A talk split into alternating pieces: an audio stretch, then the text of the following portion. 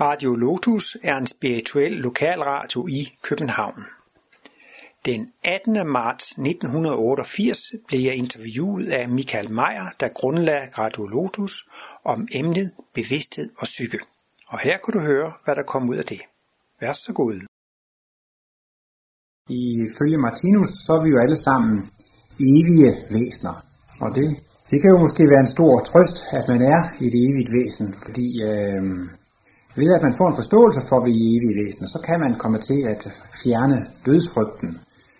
Man kan ved, og tror jeg, ved at studere analyserne og studere livet, komme derhen, at man kan indse, at, at man må være et evigt væsen. Altså man kan opleve det som en teoretisk kendskærning, at man er et evigt væsen.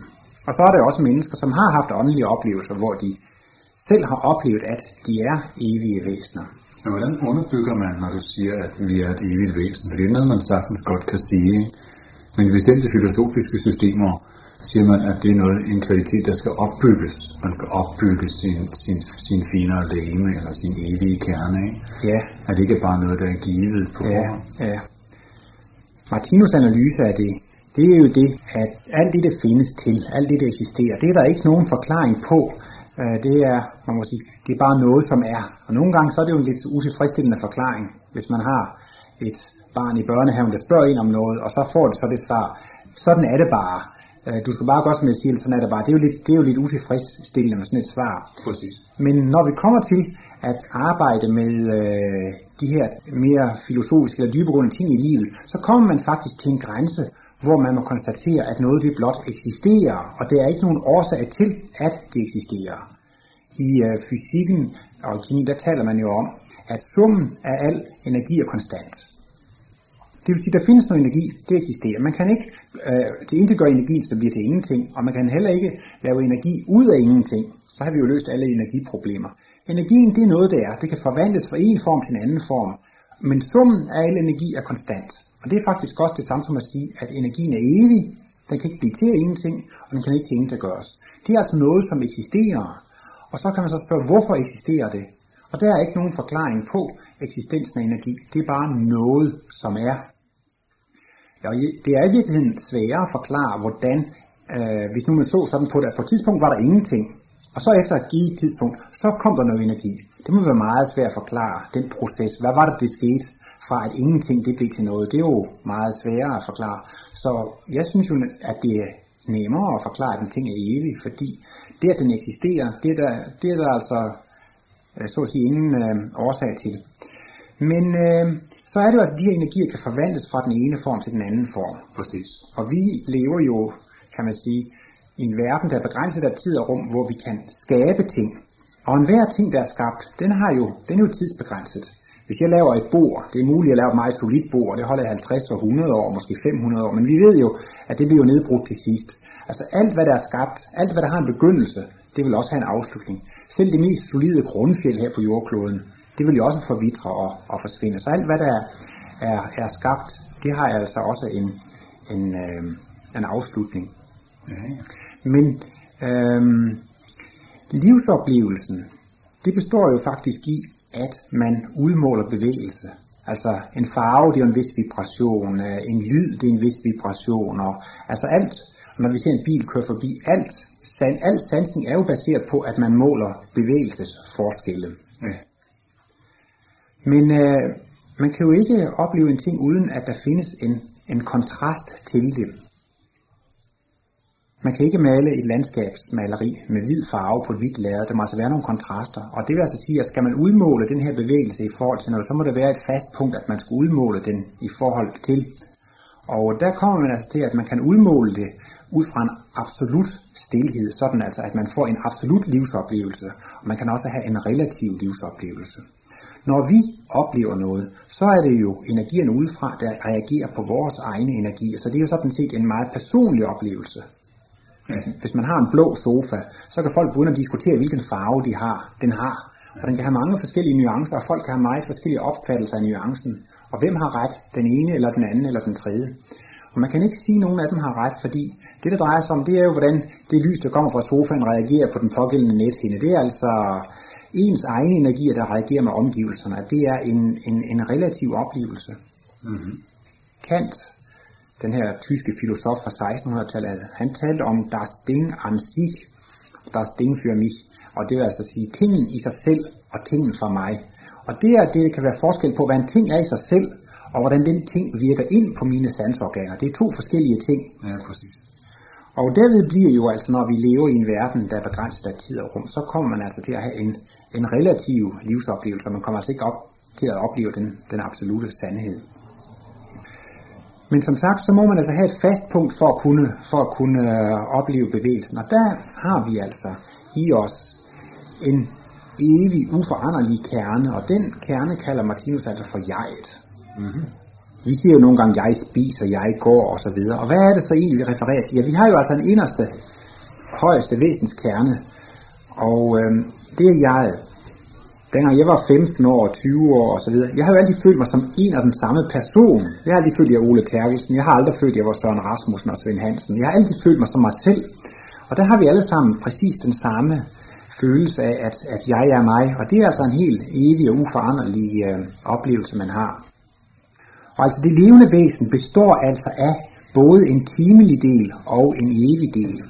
Og jeg ved ikke, om jeg kan give dig ret i, at det er en uforanderlig ting, denne jeg-oplevelse. Jeg synes tværtimod, at det er en oplevelse, der konstant ændrer form, endda fra øjeblik til øjeblik. Altså det kan jeg sige, at øh, det er en, en, et permanent eller et fast punkt, som du kalder det.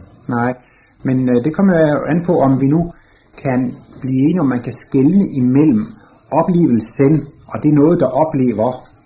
Altså man kan jo have, at noget, man kan have en ting, der er skabt, og så kan man altså have en skaber. Og inden for det almindelige felt, så er det jo nemt nok at kende forskel på skaberen og det skabte produkt. Altså har vi en sofa her, jamen så er det en, en møbelmand, og øh, vi forveksler jo ikke en skrædder med et sæt tøj. Vi kan se, hvad der er skaberen, og hvad der er det skabte. På samme måde skulle man altså også prøve at skille imellem selve oplevelsen, og det er noget, der har oplevelsen. Oh, ja. Øhm, øjet, det kan jo egentlig ikke se sig selv. Altså øjet, det er jo det noget, der ser. Det kan ikke se sig selv, men det kan se rundt omkring. Og det er netop det, at øh, der må være forskel på selve oplevelsen, og det er noget, der oplever det. Og så, så siger du, at vores jeg er forskellig. Ja, altså vores oplevelser er hele tiden forskellige, og det hele det forandrer sig rundt omkring det. Men altså ligesom vi her i vores daglige, vi ser hele tiden med de samme øjne. Og på samme måde er det altså, det er det samme jeg, der oplever alle disse varierende ting. Men hvis nu en ting er evig og uforanderlig, så er der jo heller ingen bevægelse. Hvis en ting er uforanderlig, så er der ingen bevægelse, så er det altså, så er det altså stillhed. Og det er altså, det er altså det er noget, som oplever, fordi hvis det der også bevæger sig, så vil det jo være samme som oplevelsen, og så kunne man ikke skelne imellem oplevelsen og det noget, der opleves. Så vil man ikke kunne skelne mellem skrædderen og, og, og tøjet. Så vi har altså en, en evig kerne, øh, som er er altså vores højeste jeg, og det har så altså mulighed for at bruge energierne. Og vi er jo ikke bevidste i, at vi har en nyre eller lever, eller sådan Vi, vi, vi, op, vi, vi mærker jo ikke til, at vi har øh, lever og nyre, i hvert fald ikke, hvis vi er raske, vel? Vi tænker ikke over, at vi ligesom har dem, fordi vi er blevet så vant til det. Og på samme måde er det faktisk med det jeg. Vi tænker ikke over, at vi har det, men altså, øh, vi, kan lige, vi siger jo ikke bare, spiser, går, så spørger man, øh, hvem spiser, hvem går. Den mindste sætning indeholder næsten altid to dele. Altså jeg går, jeg spiser. Altså det er noget, der gør det, og så, så, så, så hvad det gør. Så på den måde, så bliver det levende væsen altså delt, så at sige, rent analytisk i to dele. En evig del og en, en foranderlig del. Og den foranderlige del, det er altså bevægelsernes verden, vibrationernes verden. Og i Martinus øh, terminologi, han har kaldt det X3. Altså energiernes verden har han kaldt X3. Og så dette jeg, eller denne stilhed, denne evigste, den har han kaldt X1. Og så har han så altså også et mellemled. Altså energierne, de ligger så at sige som tjenende ånder for dette jeg. Altså energierne får man lov til at jonglere med, ligesom man vil. Man kan få lov til at opleve, ligesom man vil. Men hvordan kan denne stillhed så virke ind på bevægelsen? Og det er så takket være noget, han kalder X2, altså for skabe evnen eller oplevelsesevnen. Dette jeg har altså en evne til at sætte energierne i svingninger, så energierne rører sig. Og den anden vej indad, det har en mulighed for at opleve, når energierne bevæger sig, så har det en mulighed for at få en, en sansning eller en, en oplevelse af det. Hvis man skulle oversætte det, altså den der trægrening, som jeg kan forstå har lidt at gøre med træenighed, som man finder i næsten alle andre systemer, hvis man skulle oversætte det til noget rent håndgribeligt, Hvis vi skulle prøve at, at vise et menneske, hvordan det fungerer på den her tregrenede måde, kunne du så give et eksempel på det? Ja, det jeg lige først kommer til at tænke på, jeg ikke, det er jo det, øhm, at når man dør, så tror man jo, at man er helt død og borte. Men det er altså i virkeligheden kun en, en del af den fysiske side af X3, der falder bort. Altså det er nogle af de fysiske energier, der falder bort. Men vi har jo stadigvæk denne evige kerne bagved, og vi har også vores åndelige legemer. Så altså... Så, så den X2, du taler om, er altså de åndelige legemer? Ja, øhm, Martinus taler om nogle energier, som kan reagere på sansorganerne. Og så taler han også om, at det findes noget, som ikke kan reagere på sansorganerne. Og det er noget, der ikke kan reagere på sansorganerne. Det er jo det der forudsætning for, at sansorganerne overhovedet har kunnet blive skabt. Og øh, dette X2, det er faktisk en energiform, som er en umanifesteret energi. Det er en energi, som ikke kan opleve, opleves. Men X2, det er den energi, han kalder den også for modeenergien, som sætter alle andre energier i svingninger. Og når disse energier bliver sat i svingninger, så bliver der jo altså tale om en skabelse, en manifestation. Og så kan man altså også komme til at, at opleve. Så X2 det er ligesom modeenergien, der styrer alle andre energier. Men det der er det mærkelige ved modeenergien, det er det, at den kan virke ind på energierne, men i sig selv kan den ikke opleves. Men når den virker ind på energierne, så kan disse energier opleves, og man kan opleve igennem energierne. Det var da fantom, var Ole? Ja, vi er måske... Uh... Sikkert fantom. Er det, er, det, øh, er det parallelt med det, som David Bohm han taler om, som den indfoldede virkelighed? Jeg ikke, om du øh, kender noget Ja, det, det, tror jeg, det tror jeg ikke, det er. Men altså, det skal jeg måske ikke sige, når jeg ikke har studeret David Bohm. Men øh,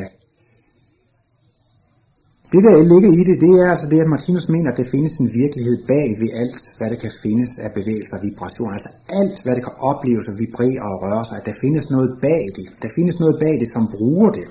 Altså igen dette, at der er altså forskel på skrædderne sæt tøj. Der er forskel på skaberen og det skabte. Der er forskel på oplevelsen. Det er jo en eller anden vibration. Det er nogle energier, som møder hinanden, og der opstår en reaktion. Ja, præcis. Men der skal jo være noget, som ikke er en reaktion, men som oplever denne reaktion. Altså et tog, der kører forbi et andet tog, de oplever ikke, at de kører forbi hinanden. En bevægelse kan ikke opleve en, en anden bevægelse. Så det, jeg taler om her, altså det er noget, som ligger fuldstændig bag øh, energiernes verden, som ligger bag sansernes verden. Og øh, for os vil det jo på en måde fremstå som et ingenting, fordi det kan ikke reagere på sansorganerne. Altså, vi oplever jo kun en ting eksisterer, hvis den kan reagere på vores sansorganer. Ja. Hvad, hvad bruger vi det her til, Ole? Ja, det er jo et godt spørgsmål. Øhm, man kan jo komme til at fundere over, hvordan livet er skruet sammen, og hvorfor, hvorfor det findes. Og øhm, jeg mener altså, man kan jo få en stor trøst og sikkerhed, hvis man i hvert fald øh, ved at gå de her analyser igennem, så mener man kan få en, en teoretisk oplevelse af, at man er et evigt væsen. Og øh, det vil jo kunne gøre, at man vil have meget mere fred og tryghed i sindet. Og jeg tror også, at man mange gange ville kunne se stort på mange små problemer, for hvis nu man har et eller andet udstående med en person, man har nogle problemer, man er uvenner. Hvis man så forstår, at man er, man er et evigt væsen, og det bare er nogle små nuancer i det store energiocean, så tror jeg ikke, man, man tager det så alvorligt, fordi man forstår, at man er evig, og det her, det, jeg tror, at problemerne meget ofte vil ses i et mindre perspektiv, når man ligesom får en forståelse for, at man, at man er et evigt væsen. Og så ligger det jo også det i det, altså at man, man må konstatere, at man er noget, noget der eksisterer, noget, noget som er. Og det betyder, at man kan sige, stop the world, I want to get off. Der er ligesom ikke noget at gøre ved, at man eksisterer, og selvmord det er ikke nogen udvej, fordi man tror, at nogle gange, at når, hvis jeg gør selvmord, så, så er jeg borte, så er problemerne løst. Men, men det er altså kun et, et fysisk hys, som man, man, man kaster bort. Øh, man kan altså ikke øh, bestemme, at man ikke vil, man kan ikke sige, at jeg vil ikke eksistere. Der er som sagt ikke nogen årsag til, at man eksisterer, fordi man har altid eksisteret. Der er ikke nogen årsag til, at energierne eksisterer, fordi de har altid eksisteret. Og når man så går tilbage der, så kommer man altså tilbage til den årsagsløse årsag, at der eksisterer altså noget, som det ikke er en årsag til. Og det er altså heller ikke noget, nogen årsag til, at jeg eksisterer. Jeg er et, et evigt væsen. I det hele taget, så tror jeg, at mennesker ville se helt anderledes på tilværelsen, hvis man begyndte at se på tilværelsen ud fra et evighedsperspektiv. Det, der kan give at der er en retfærdighed i tilværelsen, det er jo det, at man kan se tingene i et evighedsperspektiv. Hvis man oplever tingene i et etlivsperspektiv, så kommer man jo til, at livet er uretfærdigt. Nogle bliver født rige, nogle bliver født i flygtningelejre, nogle bliver født i tørkeramte områder, krigsramte områder, andre bliver født i, til paradisiske tilstande. Nogle bliver udsat for ulykker, andre går helt fri af ulykker. Nogle må kæmpe hele tilværelsen igennem andre. Ja, de er måske født næsten med en sølvske i munden og penge, og man kan ikke se, at der er nogen retfærdighed i tilværelsen, hvis man ser på livet i en øh, etlivsteori. Så hvis man vil komme til bunds med det og alligevel få en fornemmelse af, af, af retfærdigheden, så bliver man nødt til at se på livet i, i et evighedsperspektiv. Og så mener jeg også, det kan være relevant at interessere sig for, hvordan det levende væsen er, er sammensat. Men jeg kan da godt forstå, at du synes, at hvad kan vi bruge det til? Altså, noget af det er jo af mere erkendelsesteoretisk art eller filosofisk art, men nogle mennesker er jo meget interesseret i at få besvaret livets spørgsmål, og det er jo mm. noget, der interesserer et menneske gennem lang tid. Hvad er liv for noget?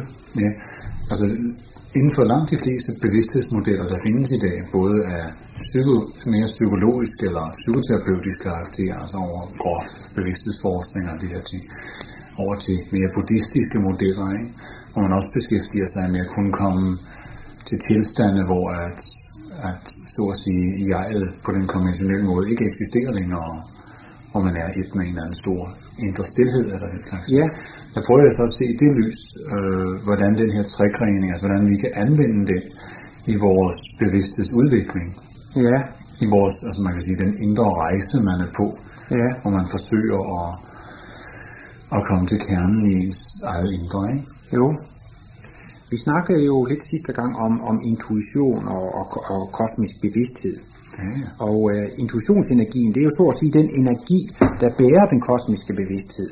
Og det er jo også den energi, ved hjælp af hvilken man kan se bag om tid og rum, så man kan se bag om evigheden. Det er også den energi, ved hvilken man kommer til at opleve Gud, eller den energi, ved hvilken man kommer til at opleve sin samhørighed med, med alt levende, og altså også øh, sin samhørighed med Gud. Man kan jo definere guddommen som summen af alt, der eksisterer. Og da jeg også eksisterer, så er jeg jo en organisk del af guddommen. Martinus bruger den her, han bruger sådan et billede, hvor han så siger, at hvis vi har et lys, Ja. indesluttet i en kugleskal, hvor der er en lang række små huller øh, i denne kugleskal, så vil vi så kunne se en lang række individuelle lysstråler. Og det er så det, vi kan føle, at vi hver for sig har en individualitet, i form af, at man kan konstatere her en lysstråle. Men alle lyset hænger jo sammen. Det kommer fra et og samme, et og samme lysocean. Så altså, mit jeg, det er så at sige identisk med universets jeg, eller, eller Guds jeg.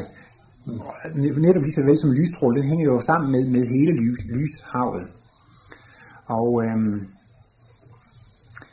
Martinus mener altså også, at man skulle kunne få den oplevelse af sit eget jegs samhørighed med, med, med guddommens jeg, når man får kosmisk bevidsthed og får den intuitive evne øh, øh, udviklet. Men netop øh, i og med, at det er stilhed og, og ubevægelighed, altså det faste punkt, som man udmåler alle relative ting ud fra, så kan man ikke opleve det direkte, men man kan opleve dets virkninger. Vi kan måske også se her og se, at kvistene på træerne, de bevæger sig ganske lidt. Ja, ja. Og det tager vi jo så som et bevis på, at vinden findes. Men man kan ikke opleve den direkte, men man kan se virkningerne af vinden.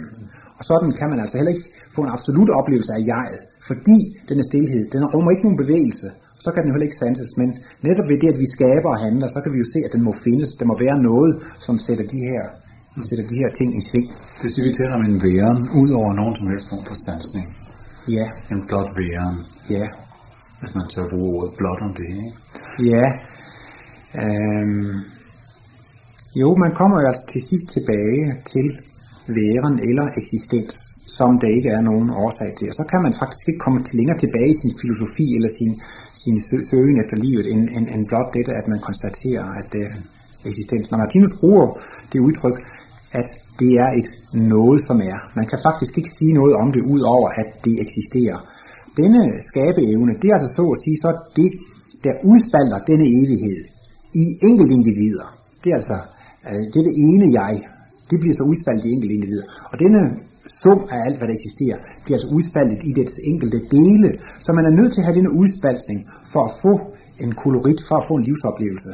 Jeg ved ikke, om du har set i fysikklassen for eksempel, hvis man har en skive med alle spektrets farver, som man så roterer hurtigt rundt, så ja. ser man, at alle farverne forsvinder, det bliver til hvidt. Ja.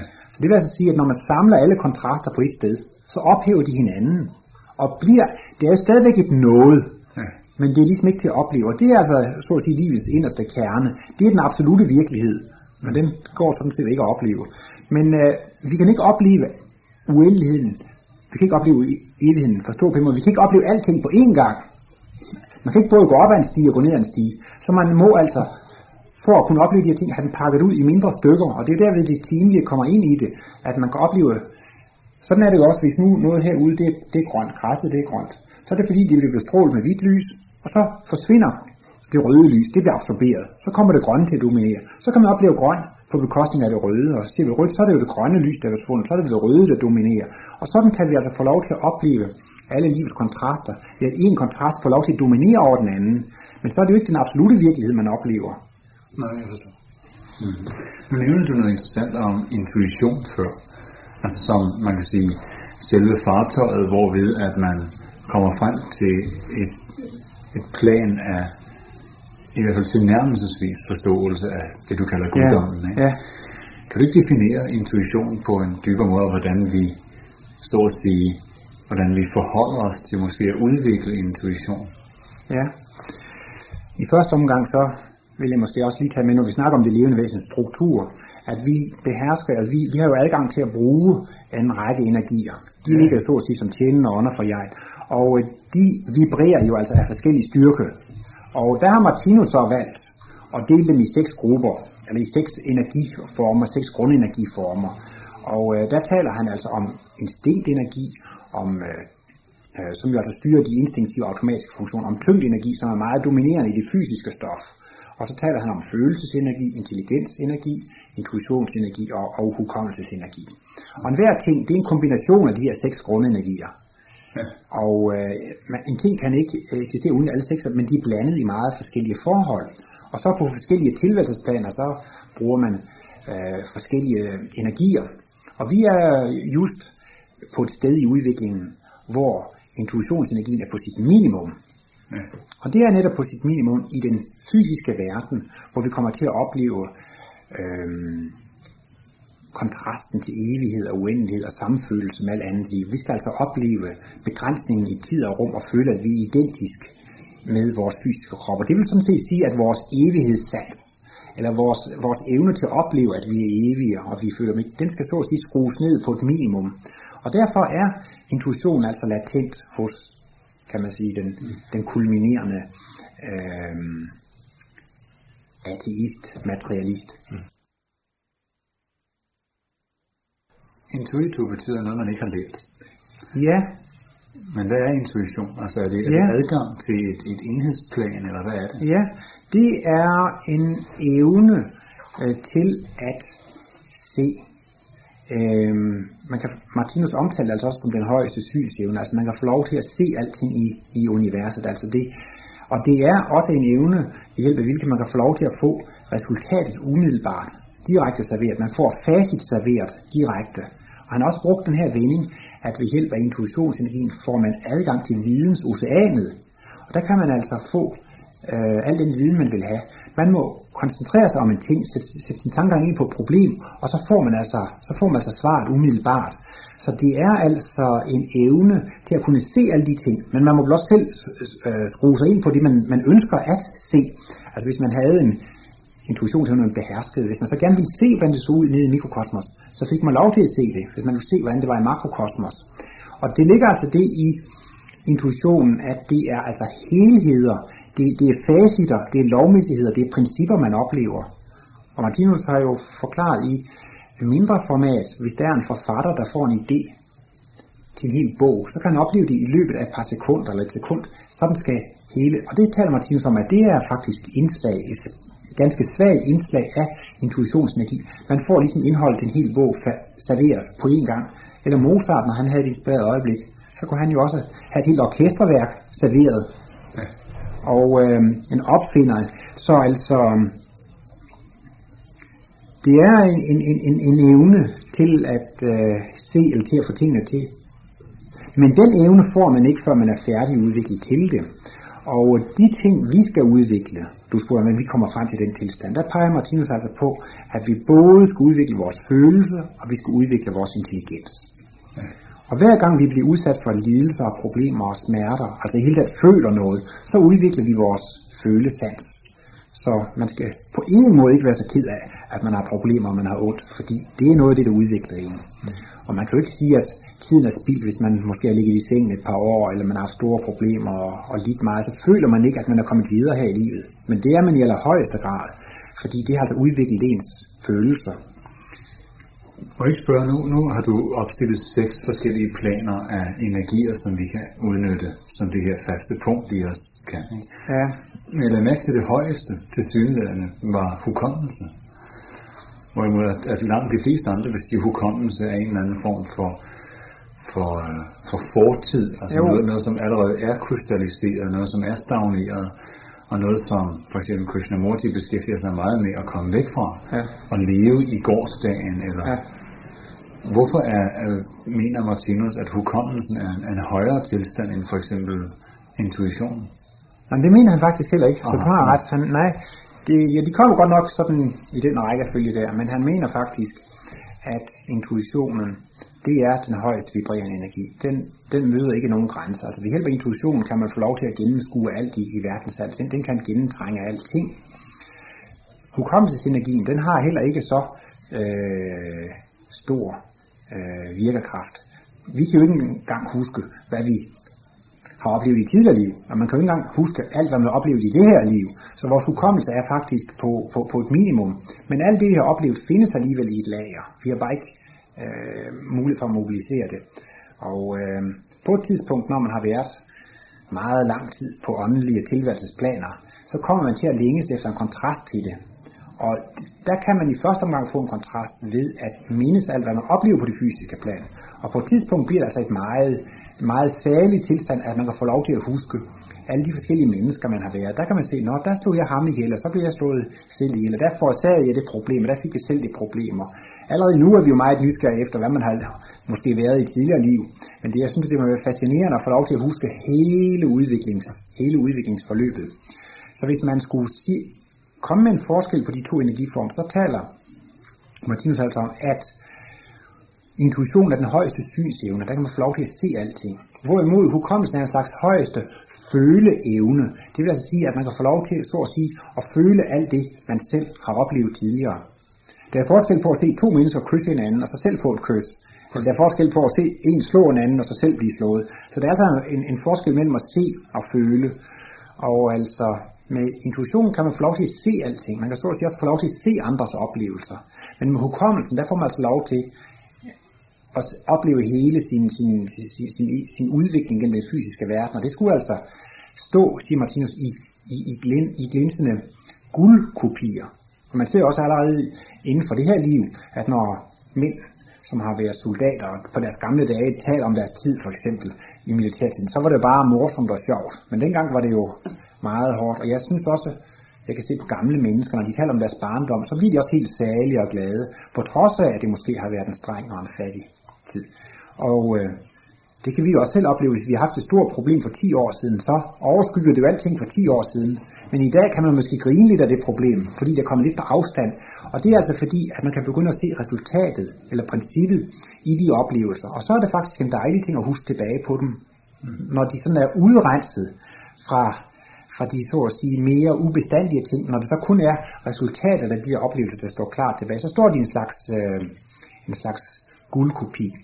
Mm-hmm. Øhm, Men lad mig så lige spørge om, øh, altså når du nu har lavet en seks, seks deling, ikke? ja, så prøver jeg ligesom at forstå, øh, det her parallelt med det, man kalder øh, det menneskets finere lemer, altså som man for eksempel finder inden for teosofien og andre steder, at vi har et mentalt læme, vi har et astral læme, vi har alle mulige andre former for lemer. Du har nævnt et tyngdelæme, som vel må være det fysiske, ikke? ja, Og så, så var der en andet, øh, et der var, ja. var tidligere end det, ikke? Nej, jeg, jeg, jeg, jeg kan nok ikke øh, knytte forbindelsen til, til de der omtalte læmer, det kender jeg ikke nok til. Nej. Men en systematisering af de her seks, altså, Ja, Martinus øh, i hans egen terminologi taler jo altså om, at vi har seks lægemer. Vi har altså et lægeme for hver grundenergi. aha, ja. Og øh, hver gang vi for eksempel oplever smerter og lidelse, så udvikles vores følelseslæme. Ja. Og hvis nu man sidder og bryder sin hjerne hen i skolen med at finde ud af, at 2 og 2 det er 4, eller man sidder og, og, og, bruger sin intelligens, så betyder det en, en, en vækst i, i intelligenslægemet.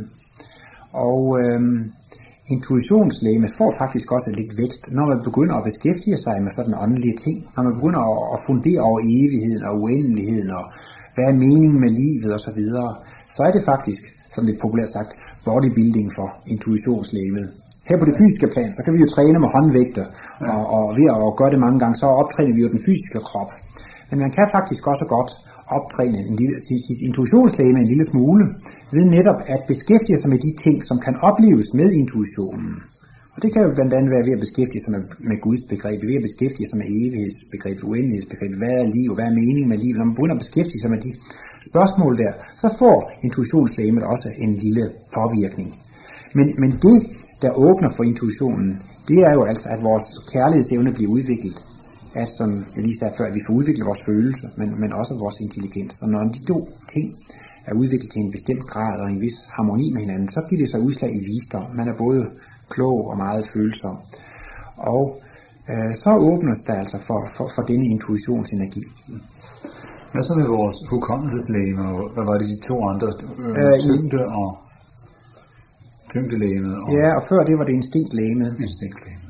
Ja, når væsenerne starter på det fysiske plan, som planter og dyr, så har de øh, en, en, en reserve, kan man så sige, at starte på, altså i form af instinkt, som altså er en slags automatik. Instinktenergien, det er den energi, der, der varetager alle automatiske funktioner. Og der er altså også nogle energier, der sørger for, at mit hjerte slår hele tiden, at lungerne slår hele, eller lungerne trækker vejret, ikke? Og altså alle de fysiologiske funktioner, der har vi jo mange automatfunktioner, og det må jo styres af en eller anden ting. Og det er altså instinktenergien. Og det er øh, opelsket vanebevidsthed. Altså hvis man bliver ved og bliver ved og bliver ved med at gentage en ting, så omsættes det i en form for automatik, og denne automatik styres så af instinktet, og det gør jo så, at så får man sin bevidsthed frigivet til at kunne beskæftige sig med andre ting, for det er jo ikke så godt, hvis man skal blive ved med at bruge tid på at koncentrere sig om de elementære ting, hvor man har gentaget dem så mange gange. Men instinktenergien er også en åndelig energi. Altså, øhm, dyrene de er jo meget psykiske. Trækfugle kan jo finde vej. Hvis en kat den kommer hjemmefra og bliver sat af 500 km derfra, en dansk kat kommer lige til Nordtyskland, så har det vist sig, at så kan den finde tilbage. Ja. Man taler også om, at rotterne forlader den synkende skude. De kan ligesom øh, forudane, at skibet vil, vil synke, og der er også visse dyr, der kan forudane præriebrander og naturkatastrofer. Og det er altså også via deres instinktenergi, som er en psykisk eller en, en åndelig energi. Aha. Så altså, menneskerne har jo øh, helt tilbage også til de primitive tilstande, altså haft åndelige eller psykiske energier. Men det er altså ikke kosmisk bevidsthed, det har altså været mere på, på instinktbasis. Men der har man altså alligevel også haft, haft adgang. Altså dyrene er også til en vis grad klærvoyante. Aha. Og disse åndelige evner, de kommer ligesom i et minimum, når man kommer til at være materialist og ateist. Så kommer det ligesom i et slags minimum. Og så begynder man at opelske de åndelige evner på ny, men nu altså på en bevidst måde. Det andet, det var i automatik, og udviklingsmål er jo, at man skal blive bevidst tænkende væsen. Og så begynder vi nu at udvikle de her åndelige evner. Aha. Og så, det du siger, Ole, det er, at i det øjeblik, at eksempel dyrene simpelthen på en eller anden måde er overgivet øh, til,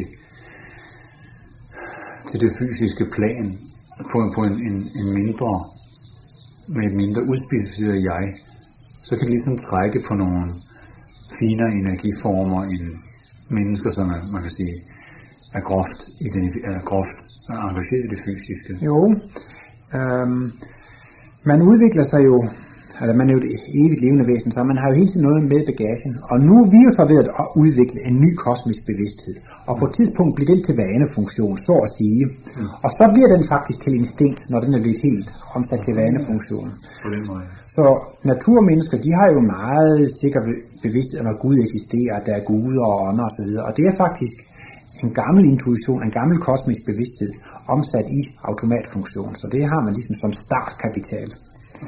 Der er også øh, nogen, der mener, at der er en ret øh, en kontrast imellem det at, mellem alkohol og intuition. Altså at, at, øh, at alkohol ødelægger den kosmiske hjerne, at det ødelægger intuitionen.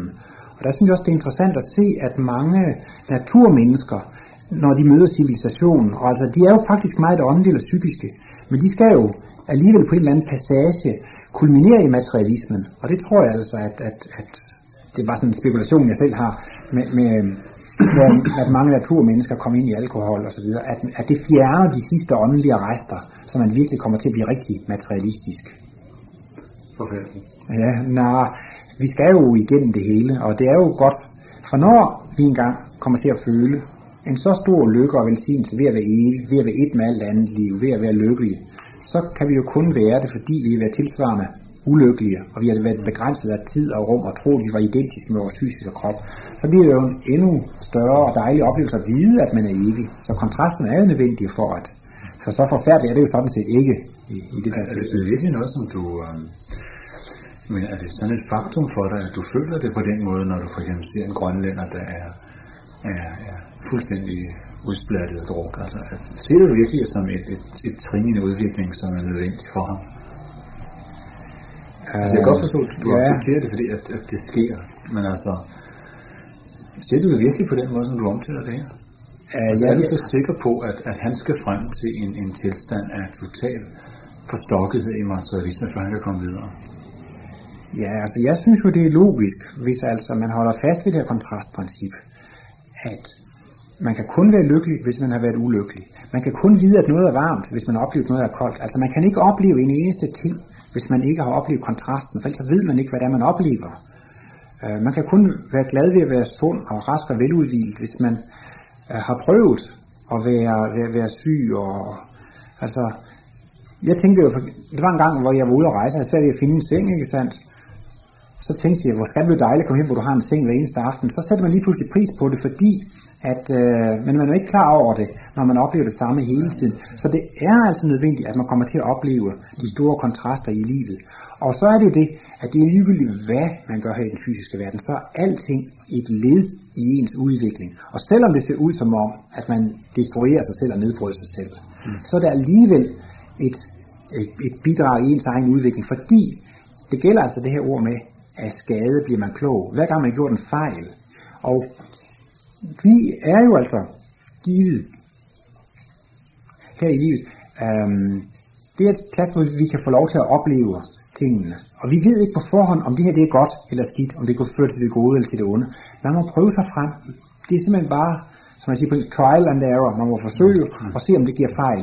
Fordi øh, det er altså erfaringens vej, så derfor må, må jeg bare også generelt sige, altså, at alle oplevelser, det er et led i vores udvikling. Mm. For, for ligesom at komme tilbage til noget af det, som jeg, jeg godt kunne tænke mig at forstå også rundt omkring den struktur, som Martinus opbygger omkring de seks. Hvor kommer hukommelsen så ind i billedet? Altså hvis vi tager det som et leme, ja. som er under udvikling ligesom alle andre. Ja, jo, øhm, så skal jeg måske altså også tage det med i altså hele hans verdens billede, at han taler om seks tilværelsesplaner. Okay. Der taler om seks tilværelsesplaner, og der taler om seks grundenergier. Og øh, på hvert tilværelsesplan, så er der jo en bestemt grundenergi, der dominerer. Så det tilværelsesplan er jo især præget af den grundenergi, der, der er dominerende. Og, og altså den lavest vibrerende grundenergi, det er instinktet. Og den, den har altså sin kulmination i planteriget. Det er jo ikke hjerne, så at sige. Vi har jo nervesystem i hjernen. De er ikke sådan en bevidst tænkning på det fysiske plan, som vi har. Så de har sådan den mest elementære form for livsoplevelse. Men de kan jo alligevel føle, om det er behageligt at solen skinner, om det er mørke, eller det er kulder og frost. Og, mm. og øh, det næste tilværelsesplan, som vi er i nu, det er dyreriget, og det er jo netop øh, karakteristisk ved, at man er indviklet i materien. Martinus taler faktisk om noget så som indvikling og udvikling. Og netop mineraler og plantevæsener, de er ved at vikle sig ind i materien, og det, det kulminerer netop her hvor, altså også, hvor det fysiske læme, hvor tyngdelæme kulminerer, det gør det altså i, i, i dyreriget. Ja. Og, og efter man så har kulmineret i at vikle sig ind i materien, så starter altså en udvikling fra, en, altså man vikler sig ud af materien og frem imod øhm, en åndelig verden. Så altså efter dyreriget, hvor tyngdenergien er dominerende, så bliver det næste tilværelsesplan et tilværelsesplan, som Martinus kalder for det rigtige menneskerige. Og der bliver altså følelsen eller kærlighedsudfoldelsen i kulmination. Og det er jo altså i sin start i hvert fald et, et øh, fysisk tilværelsesplan, og det der øh, viser, at man er et rigtigt menneske, det er altså det, at man har fået kosmisk bevidsthed. Man er altså blevet, blevet et fuldkommen kærligt væsen. Altså et fuldkommen væsen, det er dem, der kun kan være til gavn og glæde for, for, for levende væsener. De tre første energier, instinkt, tyngde og følelse, øh, kan også samles under betegnelsen som, som de egentlig uintellektuelle. Hvorimod så altså intelligens, intuition og hukommelse, det er de intellektuelle grundenergier. Og derefter kommer altså tre tilværelsesplaner, hvor, hvor, hvor det er de intellektuelle grundenergier, der kommer til at dominere. Og så går man altså også ind på et åndeligt tilværelsesplan. Og det næste tilværelsesplan, det er et rent åndeligt tilværelsesplan, som Martinus kalder for visdomsriget. Og det er den højeste udfoldelse af intelligens. Og det er naturens skabeværksted. Det er guddommens skabeværksted. Altså alle planter og dyr og organismer, de er altså udtænkte og skabte. Når vi nu ser i fjernsynet de alle de her fantastiske naturfilm, så ser man, at det her lille dyr har lige udviklet en lille krog, fordi det sker under barken der, og vi ser, hvordan alt i naturen er så utrolig genialt indrettet. Og ting er ikke genialt indrettet ved, ved, ved tilfældigheder. Der er jo ingen, der tror, at sådan en træstol er lavet for en tilfældighed ved at træerne er braset ned ved, en efterårsstorm. Og helt tilfældigt har de samlet sig til en stol. Altså alle genstande, som tjener et nyttigt formål, geniale genialt formål, de er altså udtænkte. Så altså bag hele denne fantastisk geniale natur, naturen er altså meget mere genial end alt, hvad der ligger inden for menneskets skabefelt. Og, og der er jo, Ligesåvel vel som vi kan forstå, at der er en skaber bag en telefon og en lampe og et sæt tøj og en sofa, så er der selvfølgelig også en skabekraft bag de mest geniale ting i naturen. Og selve den måde, som planter og dyr er udformet på, det er altså opfundet i dette visdomsrige.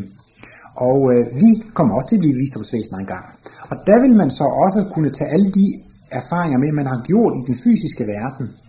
Og øh, vi har jo øh, bilen og motoren og hjulen og datamaskiner. Vi har gjort en lang række opdagelser her i den fysiske verden, udover det, at vi også får lov til at få adgang til visdomsoceanet. Men det gør, at man kan finde på nye organismetyper, nye plantetyper, nye dyr, øh, blandt andet fordi, at man har gjort nogle erfaringer i den fysiske verden, øh, siden man var i den, den, den åndelige verden øh, sidst.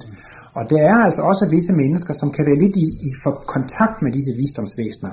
Er det netop et, et menneske, som er opfinder, eller som er videnskabsmænd eller så videre, de kan altså faktisk godt have lidt kontakt med visdomsvæsenerne. Og det giver sig så udslag i, at de faktisk gør en opfindelse på det fysiske plan. Og mange dyre- og planteorganismer, de er faktisk først blive udformet på det rent materielle plan i form af havneanlæg eller maskiner eller fabrik eller computer. Og så til sidst, så kan de her idéer eller principper ligefrem blive bygget ind i, i levende organisk materiale. Så altså livet, det er jo ikke noget stationært. Livets kolorit, det kan forandres, og det, altså al erfaringsdanser fører bare med til nye øh, oplevelser. Og så er altså efter, det er altså intelligensenergien, som dominerer i, i visdomsriget. Og intelligensenergien, det er en øh, analytisk energi. Den er god til at sortere og analysere genstandene ud. Og så kommer man altså til det højeste af alle tilværelsesplaner, som Martinus kalder for den guddommelige verden. Og den er, det er der, at intuitionen er den dominerende energi. Og der har man altså, der ser man på hele verdens alt, så at sige ud fra Guds eget synspunkt. Altså intuitionsenergien, det er den energi, ved hvilken man ser Gud, man oplever universet. Det er også den energi, ved hvilken man oplever alt det, der eksisterer bag ved tid og rum. Det er også der, man oplever de principper, der ligger bag det, det, det levende væsen. Altså der kommer man til et løsning. Der kan man få adgang til at opleve al viden. Og så, nu for langt om længere at komme tilbage til, du spurgte om, om hukommelsen, at den har faktisk sin kulmination øh, i slutningen af et åndeligt tilværelsesplan. Og det er jo altså måske mærkeligt nok, men altså, man kan blive med af alting. Der eksisterer ikke et eneste fænomen, som man ikke kan blive med af, fordi hvis man hele tiden, hele tiden, hele tiden skal opleve det samme, så opstår der en vis form for monotoni, og der opstår altså et ønske om at opleve noget andet.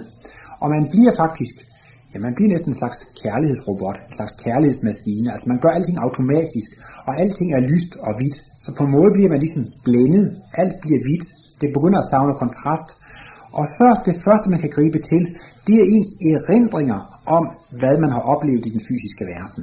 Og det er altså en meget dejlig og forfriskende kontrast. Og der kan man få lov til at opleve, hvordan man har været dyr i junglen, Vi har været en lang række af forskellige dyrearter og abemennesker, menneskeaber og mennesketyper. Det kan man få lov til at mindes. Og det, siger Martinus, er så stor en salighed, så han kalder det der tilværelsesplan for salighedsriget. Der oplever man altså, at de, alle ens erindringer står, står, så at sige, i guldkopier. Og der er, nu vi snakker om de her grundenergier, faktisk en slags øh, komplementær forhold mellem følelse og hukommelse. Der hvor følelsen på de ydre fysiske plan er stærkest, der er hukommelsen mindst. Og der hvor man så at sige overhovedet ikke føler noget på de ydre fysiske plan, så lever man altså i minderne, altså i, i, i en hukommelse, en ren åndelig energi. Så der er altså også en slags kontrast eller vekselvirkning mellem at kulminere i en direkte fysisk oplevelse, en direkte fysisk følesans, og så altså det at leve i en slags psykisk føle, føletilstand, og de står altså komplementært over for hinanden. Lige vel som det der med tyngdenergien, den er komplementær, så at sige, til intuitionsenergien. For tyngden, det er der, man er begrænset af tid og rum og kulminerer i det fysiske, så er det også ligesom en slags, en øh, slags øh, åndelig modsætning. Og så er det de to sidste, og øh, instinktenergien. Og dyrene, de udvikler deres føde instinktivt automatisk, men intelligensenergien, der gør man det bevidst, reflekteret, gennemtænkt. Og vi er jo netop ved, for eksempel, ikke at skulle udvælge vores føde instinktivt, ved at, at, at, at, at, at bruge vores fornuftige intelligens til at spise fornuftigt. Og det hele taget, vi skal ikke blive ved med at handle automatisk og ureflekteret, ligesom dyrene gør. Vi skal bringes frem til at, at kunne analysere situationerne og tænke intelligensmæssigt. Så, så på den måde bliver der også sådan en slags kontrastforhold mellem, mellem tilværelsesplanerne og, og de forskellige energiformer. Men det altså er altså, det, det, det der åndelige tilværelsesplan, det er altså så stor en salighed at opleve sine tidligere erindringer. Du vil vel også gerne vide, hvad du havde oplevet i tidligere liv, måske ligefrem vide, hvilke slags dyr og planter. Det vil vel være meget spændende. Og der får man altså adgang til at opleve alle de ting. Vi kan ikke huske dem nu, men de er arkiveret. Vores hukommelsesenergi, det er altså den energi, ved hvilken man får adgang til arkivet. Men når man så får lov til at huske om den fysiske verden, så afføder det en lyst eller en længsel efter at komme ind i den fysiske verden igen. Men så vil man opleve noget nyt og udnytte de erfaringer, som man havde gjort tidligere. Og denne øh, lyst eller længsel efter den fysiske verden afføder, at man begynder at knytte fysisk stof til sig. For når man nu har oplevet tingene en gang før, så kan man jo ikke blive ved med at leve i, i, i, i uh, erindringen. I starten er det jo en dejlig kontrast, og det er forfriskende at få lov til at huske noget fra den fysiske verden. Men da det allerede er noget, man har oplevet en gang tidligere, så vil man jo alligevel gerne opleve noget nyt. Og det gør så, at disse uh, væsener begynder at knytte fysisk stof til sig. Uh, jeg tror også, at i sidste gang vi var ved at snakke lidt om, hvordan man kan gå fra det åndelige på det fysiske tilværelsesplan via materialisation og dematerialisation, altså via tanken begynder at beherske det fysiske, så kan man efterhånden gå over på et, på et åndeligt tilværelsesplan. Men hvordan ser det så ud, der man går fra det åndelige ind på det fysiske? Ja, det første udslag, man får af disse særlighedsvæsener på det fysiske plan, det er altså i form af elektrisk stråling og i form af varmestråling og for altså at tage nogle, store makrovæsener, altså et, en stjerne, en sol, der er ved at blive dannet af en, en stjernetog, der fortættes. Det er altså øh, et salighedsvæsen, som er ved at knytte fysisk energi til sig. Og vi forbinder jo også så meget salighed med solen, og altså solens princip at give lys og varme, og, ja. og de gamle Ægypter dyrkede også solen. Og, og det var jo fordi, at at det er faktisk noget salighedsglans over det. Altså det, det, det er en, en salighedsenergi. Og det er altså væsener, som fra det åndelige plan er ved at gå ind på det fysiske plan. Og senere så vil altså, det altså vi taler altså om, at det knytter mineralmaterie til sig. Den vil efterhånden blive mere afkølet. Men væsenerne er jo stadigvæk bevidste på det åndelige plan, og, og det er altså først en første svag kontakt med det fysiske plan. Derfor fremstår mineraler også som døde væsener, fordi at de har ikke noget oplevelse på det fysiske plan, men det er altså nogle væsener, der er ved at knytte sig til det. Og øh, mineraler og krystaller kan være så umådeligt skønne og flotte. Og det er faktisk en fysisk refleks af den salighedstilstand, der findes på det åndelige plan. Og man kan altså også ved faktisk sige det samme med blomsterne. De har heller ikke helt forladt det åndelige plan. Og disse smukke blomster, det er også en fysisk refleks af den overmodet skønne åndelige tilstand, der er. Men denne overgang fra den åndelige til den fysiske verden, den træffer man faktisk også imellem to fysiske liv, altså i et mindre kredsløb. Fordi vi får jo også sommerferie og får lov til at opleve en paradisisk og en lykkelig tilstand på de åndelige tilværelsesplaner. Lige vel som vores åndelige evner nu er udviklet, får vi glæde af at være på det åndelige plan. Har vi vores intelligens meget udviklet, så får vi mere fornøjelse af at være visdomsrige. Har vi vores følelser meget udviklet, får vi mere glæde af at være det rigtige menneskerige. Har vi meget intuition, får vi mere glæde af at være der. En hund har jo ikke meget fornøjelse af at løbe rundt på en kunstudstilling, fordi den har ikke så mange evner, men, men det kan alligevel have en dejlig oplevelse. Og sådan får vi altså også lov til at opleve de åndelige verdener imellem to fysiske liv. Og så i slutningen af sådan en periode, så begynder man alligevel at tænke tilbage på det fysiske. Og der er jo ingen af os, der dør med alle ønsker og længsler opfyldt i det her liv. Vi har jo alligevel noget, og det gør, at man gerne vil, vil inkarnere igen. Og der mener Martinus som typisk, at man husker 3-4 liv tilbage. Og det man så begynder, jamen så gjorde jeg det, og det fik den konsekvens, og så kan man ligesom se en plan eller en mening. Og så når man så får lov til at summe alle sine erfaringer op, så får man lyst til at komme ind på de fysiske tilværelsesplan igen. Og det er altså en særlig tilstand at få lov til at huske de her ting, fordi de fremstår som guldkopier. Det står ligesom resultatet. Altså selv om man har slået ihjel, så kan man se, der slog jeg ham ihjel, og så bliver jeg selv slået ihjel. Ligesom alt det under det bitre bliver fjernet, for man kan ligesom se princippet og meningen og ideen i det. Og det gør, at man så kommer på bølgelængde med nogle væsener, som også er i en særlig salig tilstand på det fysiske plan. Og det er altså et, et forældrepar, som har et seksuelt liv. Og det gør så faktisk, at de to salighedstilstande kommer på bølgelængde. Altså væsenets, det, ånd, det diskarnerede væsenets ønske om at opleve på de fysiske planer, det salige tilstand, det er i, det gør altså, at øh, de får kontakt. De vil altså gerne forplante sig ind i den fysiske verden. Og det er faktisk det samme med jordkloden og, og solsystemet, altså disse glødende legemer, de vil altså også forplante sig ind på det fysiske væsen. Vi er ikke helt glødende, men, øh, for det kan vi jo ikke være i den her organiske, men, men der findes en lille parallel, og det er altså noget af den her salighed, man, man, man oplever, øh, dels på det åndelige plan, altså også på det fysiske plan. Og øh, hukommelsen, det er altså så at sige, afslutningen af den åndelige verden og begyndelsen på den fysiske verden. Aha. Martinus taler hele tiden om de her store kredsløb, hvor det veksler imellem. Mellem mm. Må jeg spørge dig noget, Ole? Der er mange, der beskæftiger sig med regressionsterapi i dag, altså ja. hvor man går tilbage og prøver at genkalde sig og få det her overblik over, hvad, hvad man har gjort i tidligere tilværelser og, og den slags ting der.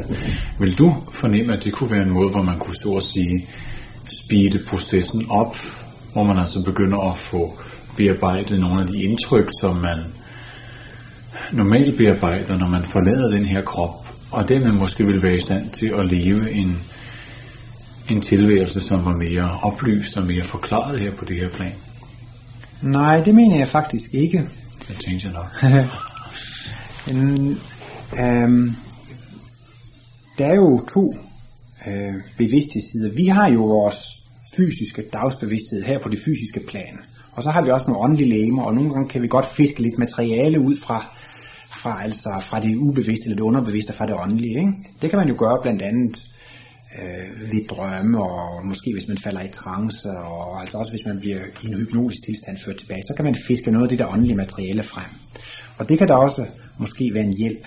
Men det er ikke nødvendigt, fordi vi kan få det serveret direkte her i den fysiske verden.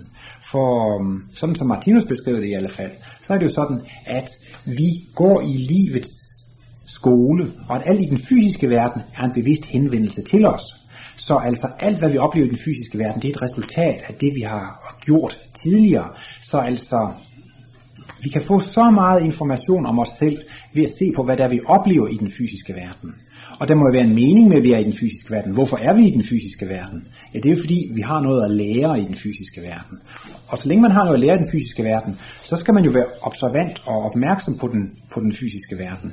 Og hvad er det, vi skal lære i den fysiske verden? Det er at blive kærlige væsener. Og man er kærlig, når man gavner og glæder alle andre levende væsener. Og øh, kærlighed og logik, det er jo det samme. Så når man er ukærlig, så handler man ulogisk, og så skader man andre, og så kommer man selv til at opleve det. Så man kan faktisk få al den ønske information om sig selv, som man vil have, ved at blive opmærksom på, at alt, hvad livet siger til mig, det er noget om, hvordan jeg selv har været tidligere. Men vil det sige, at du dermed siger, at total bevidsthed er ikke målet?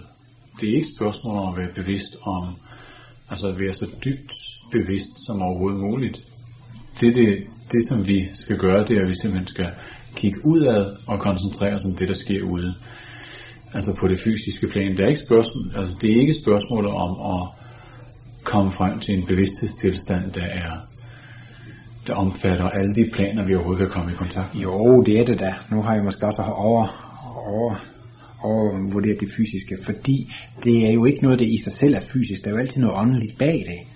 Og livets direkte tale, livets skole, det er jo så at sige guddommen, der taler til os igennem de fysiske forhold. Så det er jo i virkeligheden livet, universet, naturen eller Gud, der taler til os igennem de fysiske ting. Og det er jo klart, at det, det, det er jo der, man skal ind og have en større og en højere bevidsthed, at man skal begynde at op, fornemme faktisk Guds nærhed i alting, og opleve, at hver gang man oplever noget på det fysiske plan, at det er faktisk Gud, der taler til en, ikke? Jo. Og, og, og på den måde skal man så selvfølgelig få en, en, en, en højere en højere bevidsthed, ved at man begynder at blive opmærksom på det åndelige, der ligger bag det fysiske. Det åndelige noget, som bruger det fysiske. For der kan altså ikke være nogen som helst bevægelse overhovedet på det fysiske plan, uden at det er et levende væsen, som har sat det i gang. Så derfor skal man selvfølgelig ikke, sådan skal man ikke forstå, man skal ikke fortabe sig i det fysiske, fordi så får man ikke fat i, hvad det er, det fysiske skal udtrykke. En, en, en hver fysisk ting udtrykker en idé, og en hver fysisk bevægelse udtrykker et ønske eller et begær eller et vilje føring hos et levende væsen. Så det er selvfølgelig det, man skal være opmærksom på i det fysiske. At, øh... Må jeg stille et andet spørgsmål, altså netop i forbindelse med, når vi snakker om, om at gå tilbage og opleve tidligere tilværelse, eller i hvert fald gå dybere i psyken og prøve at komme i kontakt med andre planer. Um, lad os tage sådan noget som nyere psykoterapi og den bevidsthedsmodel, som for eksempel er givet af Grof, som er noget af det nyeste. Ikke?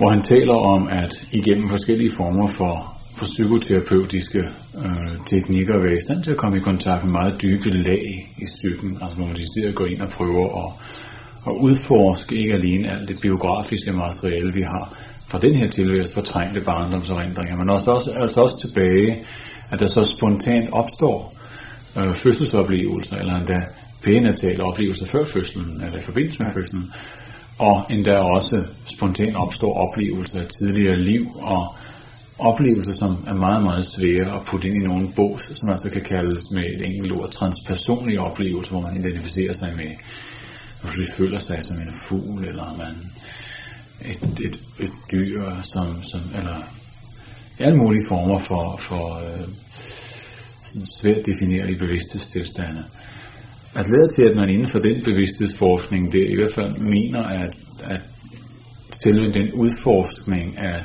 hele psykens muligheder er en del af det at gøre sig helt og fuld, og dermed gøre sine muligheder for at forstå livet på det her plan bedre.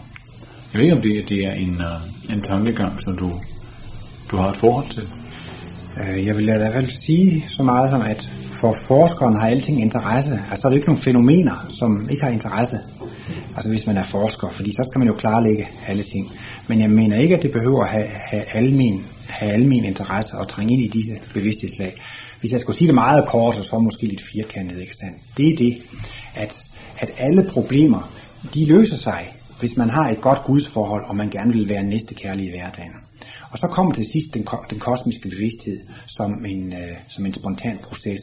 Og så det, det drejer sig om for mennesket, det er altså at begynde at opleve, at hele den fysiske verden er belivet, at man oplever noget, at det er så at sige Gud, der taler til en. Så man behøver ikke at trænge tilbage i alle de her lag og gå ind i det. Det er da muligt, hvis man har psykiske besvær osv., at man skal gå til en psykoterapeut. Altså hvis man er syg, så skal man jo så gå til en læge. Men under normale omstændigheder, så behøver man ikke at grave i det.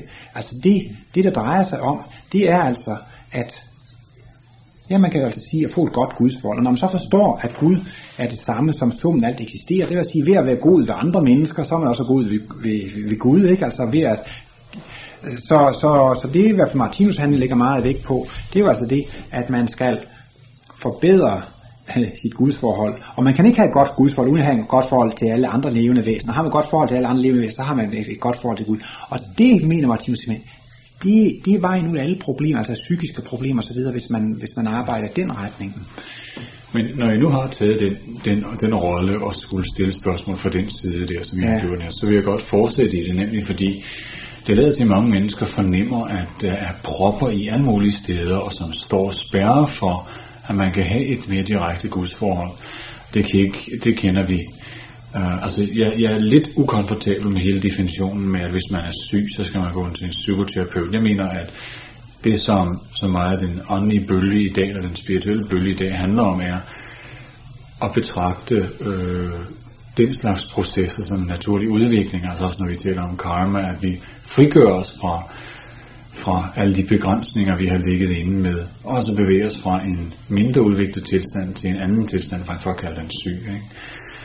Men det jeg vil frem til, det er, at langt de fleste af os har propper i, og at vores gudsforhold måske kunne blive mere direkte konkret i det øjeblik, vi måske fik renset ud i mange af de blokeringer, vi har, i mange af de efterslæb, vi har, og måske også blive klar over de sammenhænge, som der findes mellem, altså jamen, jeg har en veninde, som, som mener, at hun har haft en reinkarnationsoplevelse, hvor at hun er så fuldstændig været i stand til at se nogle temaer i hendes tilværelse, som hun har haft meget, meget svært ved at se. Fordi man har selv læst i skoven for bare tre ja. Og at det ligesom har, har fundamentalt sat hende i gang på nogle punkter, ikke, som hun ville have meget svært ved at gøre ellers. Ikke? Så det jeg ligesom prøver at, at lufte muligheden af, det er om man ved at beskæftige sig med altså en person, ikke bare en forskermæssig øje med, men altså som en personlig udviklingsvej, og begynde at gå ind i de her planer af oplevelser, af planer af muligheder for at få renset forskellige former for blokeringer ud af ens system. Om man så ikke vil, om, om det så ikke vil være en, en, uh, en udviklingsvej som sådan. Jo, altså jeg, jeg tror da, at det er muligt at, at, at udvikle sig den vej, men der findes visse risici ved det. Men for lige at vende tilbage til det der, så vil jeg da gerne give dig ret i, at, at, at man syg, skal man absolut gå til terapeut. Nej, jeg mener jo faktisk mange til, så behøver man ikke at gøre det, netop hvis man begynder. Og det er ikke det, jeg sagde. Jeg sagde, at, at, at jeg, jeg synes, det er meget kedeligt at, at skulle skulle definere, fordi hvis vi virkelig skulle tale om, hvad sygdom er, så vil jeg sige, altså hvis vi ønsker at anvende en meget kedelige øh, ord, så vil jeg sige, at så har vi 90%, der bevæger sig i den her by, som kunne defineres som havende blokeringer på afgørende steder med hensyn til deres livsudfoldelse. Ja. ja. Men for lige at gå tilbage til det andet der, så, så er der altså også visse risikomomenter ved det, og derfor kan man generelt ikke anbefale det. Men det gør Martinus ikke. Men det er da muligt, det kan hjælpe mange mennesker. Og han, han taler altså det hele taget meget for eksempel om, øh, altså om det at ville fiske i, i underbevidstheden og natbevidstheden ved forskellige ting. Ikke? Altså, det kan være, at man gør det ved, ved, ved spiritistiske seancer, og at man falder i trance. Ikke? Det kan være, at man, man lader sig underkaste hypnose i mange gange. Det kan måske være, at man begynder at træne sig op til automatskrift og kan lade ånder og skrive igen med en, man kan få nogle meddelelser af den vej. Man, kan pendulere og ligesom på den måde lade ånderne få indflydelse på, og man kan altså måske helt overdrive det her med, med drømmetolkning, altså altid ligger man en blok og en blyant ved siden af sig, og, og man begynder at, og, og, og, og så advarer han altså også mod øh, visse former for meditation, hvor man altså også kan, kan få åbnet op til, øh, øh, til, til det åndelige. Og det kan altså nogle gange give kortslutninger, fordi at man kan komme i kontakt med noget, som man ikke kan, kan beherske eller styre. Og man kan altså også komme i, i kontakt med hvis altså det fungerer på den måde. Øh, traumatisk, altså ulykker og så videre, man har haft i tidligere liv. Og øh, Martinus bruger den vending. Hver dag her rummer ind til overflod af tårer fremkaldende midler. Vi behøver ikke at gå tilbage til tidligere liv. Og i tidligere liv, der har vi jo været mere primitive, end vi er nu. Vi har begået større fejl i tidligere liv, end vi gør nu. Så altså, Øh, vi har jo, vi er jo kultur, men vi har jo også været naturmennesker, der har røvet og plyndret og slået andre ihjel. Og det ville ikke være så behageligt personligt selv at huske, at man har gået og myrdet og dræbt osv. Men så er spørgsmålet, hvordan kan jeg så få gavn af alle mine tidligere liv? Jamen det er det, sådan som jeg er her og nu, der repræsenterer summen af alle mine tidligere oplevelser. Så de er sådan set integreret i mig. Er det mennesker, som er blevet pint og plaget ihjel i koncentrationslejre? Så behøver de ikke bevidst at kunne huske disse skrækkelige oplevelser, for at kan have gavn af dem. Men er det ikke en del af en større bevidsthed? At være i stand til at forstå, hvordan tingene hænger sammen. Du er åndsvidenskabsmand, ikke? Du er en person, der er interesseret for åndsvidenskab, jo. og det er netop meget med at forstå de store bevægelser, og derigennem få en eller anden fornemmelse af en intuition eller et enhedsplan, ikke? Jo, men det mener jeg også, man kan få, altså ved at have en åndelig indstilling og ved at kigge på den fysiske verden. Lad os nu sige, at man har gjort en eller anden fejl i et liv, der måske ligger to liv tilbage. Ikke? Altså man har gjort en eller anden, det, det er sådan en prop, som du siger, man har gjort noget, der er forkert, og man er stadigvæk ikke fået det rettet op. Jamen så ville det den dag i dag være en ufærdig side i min bevidsthed her og nu, og så vil livet hele tiden, eller ved jævne mellemrum, trække det her problem op for mig i min, min hverdag her og nu. Og så jeg behøver ikke at gå to liv tilbage og undersøge, hvad var der rent konkret, der skete, for jeg kan tage fat i de problemer, der er her og nu. Ja. Jeg er altså blevet konfronteret med et problem, og det tyder på, at jeg har en ufærdig side i min bevidsthed. Ja. Og det kan så måske føres tilbage, men... Øhm, jeg oplever bare, at der er mennesker, som, som siger, at det ligesom giver dem en større tilskyndelse, og giver jo. dem et større overblik på en sådan måde, at at man altså kommer ind i bevidsthedsændrende situationer, hvor man virkelig får en, en indblik i, at sådan her skal jeg altså ikke jo. handle, handle længere. Ja. Altså. Jo, det kan jeg godt forstå, og jeg vil også tro, at det kan hjælpe mange, og det kan være gavnligt i mange tilfælde. Men det findes altså øhm, nogle af de her risikomomenter ved at grave alt for meget af det åndelige, er blandt andet, at man kan komme i kontakt med med primitive jordbundne ånder på det åndelige plan, som kan føre til en slags besættelser og uhyggelige åndelige oplevelser. Og det skyldes, at når man dør, så er der nogen ånder, eller altså når man dør, så er sjælen, hvad skal man skal sige, de kan ikke finde sig til rette på det åndelige plan, fordi de er meget jordbundne, og de har måske også ligefrem fysiske laster, øh, seksuel seksuelle eller narkotiske, eller ja, det er strengt nok, ja. Og, og narkotisk, og så søger de sig tilbage til det fysiske, og nogen har måske også visse øh, storhedsdrømme på de fysiske plan, som ikke, og så, så vil de ligesom øh, besætte nogle andre bilder ind af de Napoleon eller noget stort, og i det hele taget, så, så, så, så er det altså lidt risikabelt at gå ind og fiske lidt i det åndelige område, fordi man ved ikke altid, hvad det er, man kommer i kontakt med. Men når folk får så stor hjælp der, så tror jeg det er fordi, at de er måske ikke så opmærksomme på al den information, de kan få i den ydre verden. Og nogen synes jo, man skal hæve sig op over den grå hverdag, men, men det er det, den er meget guddommelig, og det, vi kan få information der hele tiden. Det andet kan da ikke være forkert, men vi har vores 100% vågne dagsbevidsthed på det fysiske plan, og så har vi altså vores natbevidsthed, som vi kan komme lidt i kontakt med via drømme og hypnose og den slags, hvor vi kan fiske. Men der, der sanser vi ikke så 100% klart som på det fysiske. Og vi kan altså, fordi det fysiske er jo belivet, så vi kan altså trække mere information ud af, af, af det fysiske. Og tingene ordner sig altså, hvis man hele tiden ønsker at blive et næste kærligt menneske og et næste kærligt væsen, så kommer man ind i et eller andet problem, så mærker man smerten på sig selv, og så må man så prøve at tænke, jeg skal prøve at ikke skade mennesker på det der øh, område en, en anden gang, sådan altså at man øh, ligefrem også kan få et positivt syn på alle de problemer og besværligheder, man møder i, i hverdagen, og man sådan næsten møder med taknemmelighed, fordi det er livet, der underviser en i, i alle de her ting, øh, sådan at man ikke lægger årsagen til problemerne hos andre mennesker, Altså nu har den idiot igen givet mig overarbejde, eller nu har vedkommende gjort sådan, og nu har den bundet mig. Så ser man ligesom årsagen til alle de her problemer i den ydre verden, og det lærer man så ikke så meget af, fordi man behøver ikke at arbejde med det længere, fordi det er de andre, der er skyld i det.